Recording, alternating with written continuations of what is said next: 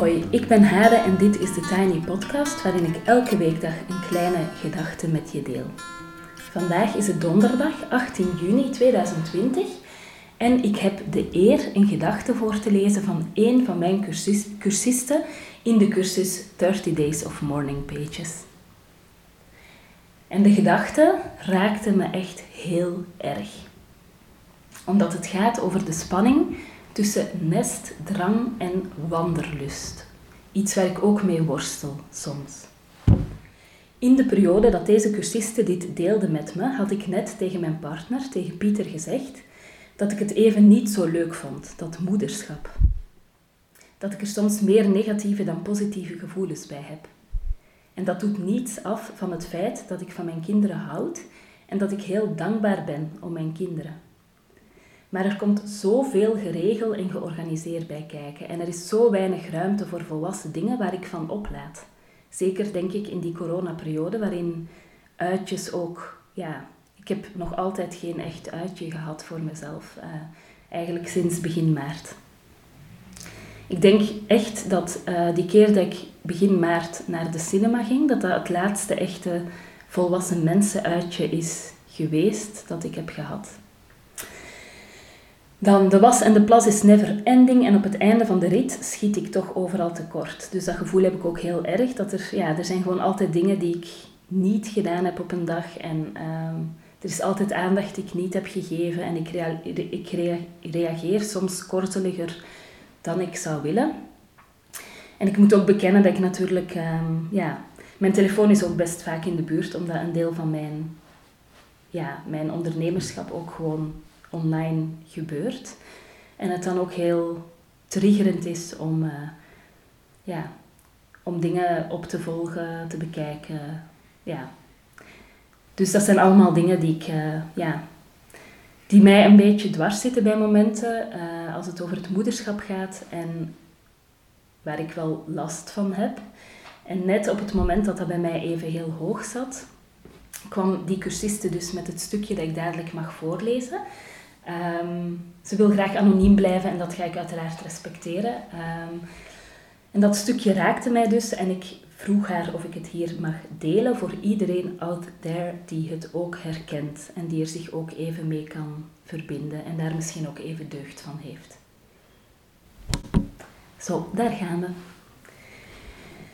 De laatste dagen heb ik veel gedacht aan hoeveel fijne herinneringen ik heb aan de tijd van voor ik mijn man kende. De reis naar Kreta met de wandelingen in de brandende zon, de lift net op het moment dat we die nodig hadden, het lekkere eten, de taalkursus Duits, de internationale sfeer, het scoutskamp op watersandalen in de rivier, de maat van de perziken zo zoet en sappig van onze tuin, de grote zoektochten met alle kinderen uit onze wijk, mijn fietstochten als kind alleen. Niemand die vroeg waar ik geweest was of waar ik heen ging kajakken in Frankrijk, slapen onder de sterrenhemel en ons wassen in de rivier.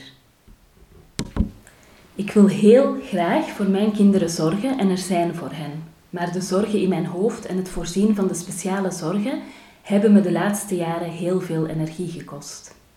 Ervaar ik tegenstrijdige emoties? Ja. Nestrang en wanderlust. Vanochtend gingen we wandelen. De dochters waren allebei aan het zeuren. De peuter miste haar tutje en de oudste had hoogtevrees. Wij wilden graag verder gaan, maar we waren ook de koets vergeten, dus werd het echt een klein mooi ommetje langs een riviertje en met de ruisende boven, bomen boven ons hoofd. Toch een beetje de kalmte ervaren die de natuur mij geeft. Maar niet echt van de betreden paden afgeweken. Mijn man zegt dat we de kindjes eens zouden moeten laten logeren ergens, zodat we een paar dagen hebben met ons twee. Mijn dochter zegt: Jij en papa willen elk alleen zijn en niet met ons spelen.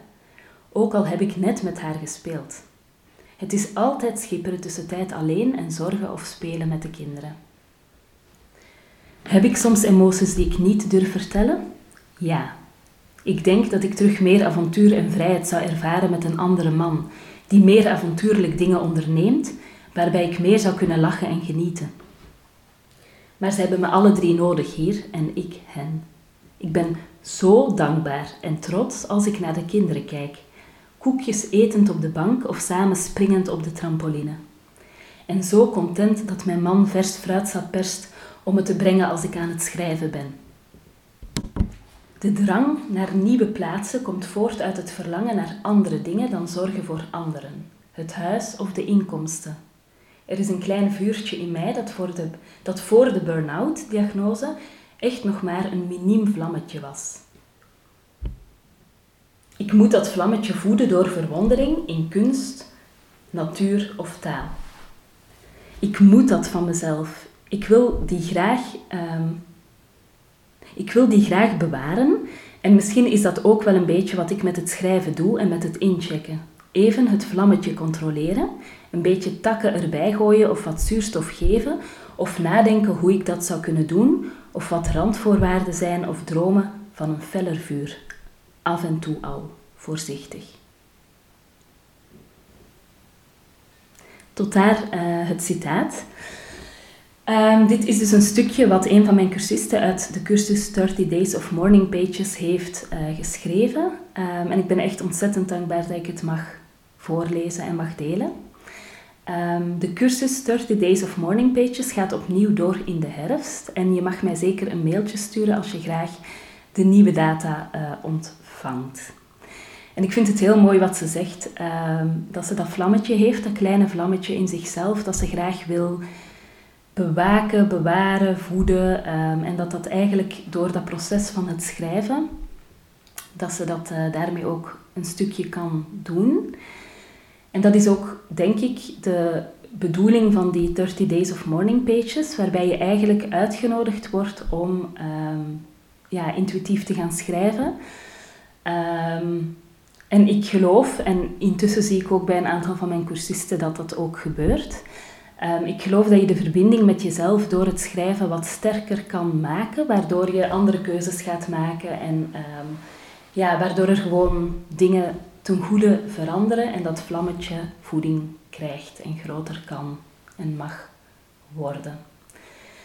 Um, ja, dus als je in deze herfst graag die 30 Days of Morning Pages mee wil doen, ik ga die cursus ook nog wat herwerken. Dan mag je mij zeker een mailtje sturen en dan hoor je het als er nieuwe data komen. Als je deze zomer echter alvast graag in het schrijven wil duiken, verwijs ik je heel graag door naar mijn zomeraanbod. Zet ik ook even in de uh, show notes.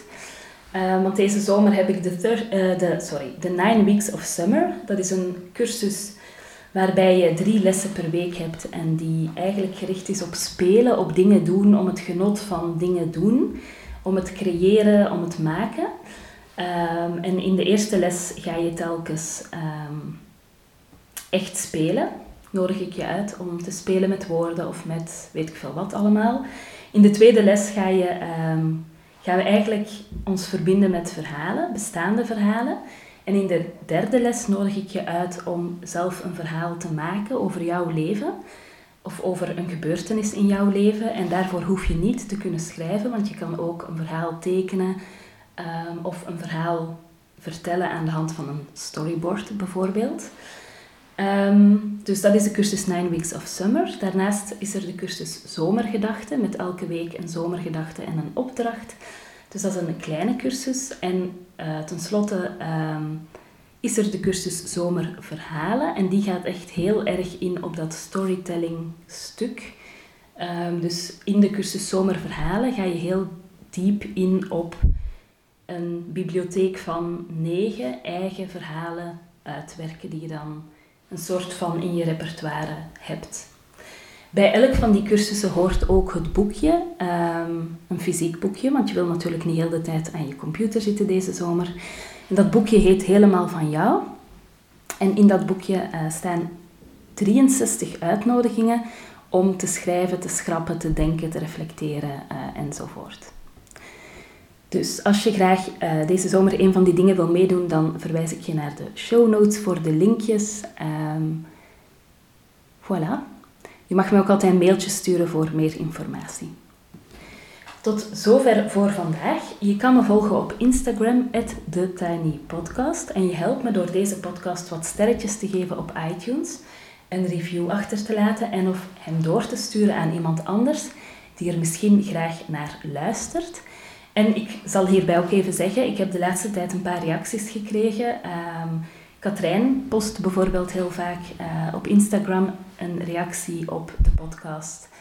En laatst kreeg ik ook een heel mooi audiobericht van iemand die wat feedback teruggaf. Uh, daar heb ik al een keer over verteld. Um, en laatst vertelde ook iemand mij dat ze de podcast vaak doorstuurt aan andere mensen. En dat zelfs uh, door een van de podcasts die ik gemaakt had, dat haar dochter daardoor een andere beslissing had genomen met betrekking tot kinderopvang. Um, ja, en dat zijn eigenlijk heel fijne dingen om terug te krijgen, want uh, ik ga even beschrijven hoe ik hier zit. Ik zit in het mooiste kleine kantoortje van Haarlem. Ik zit hier helemaal alleen. Um, ja, en ik praat tegen een klein toestelletje, dus het voelt soms ook wel een beetje als eenrichtingsverkeer. En dan is een beetje feedback of een reactie is dan natuurlijk ook heel leuk om uh, terug te krijgen. Dus, tot zover voor vandaag. Uh, morgen komt er een wat zwaarder verhaal, wat gaat over grensoverschrijdend gedrag. Uh, maar het is wel een verhaal waarvan ik het gevoel heb dat ik het echt moet vertellen. Tot morgen.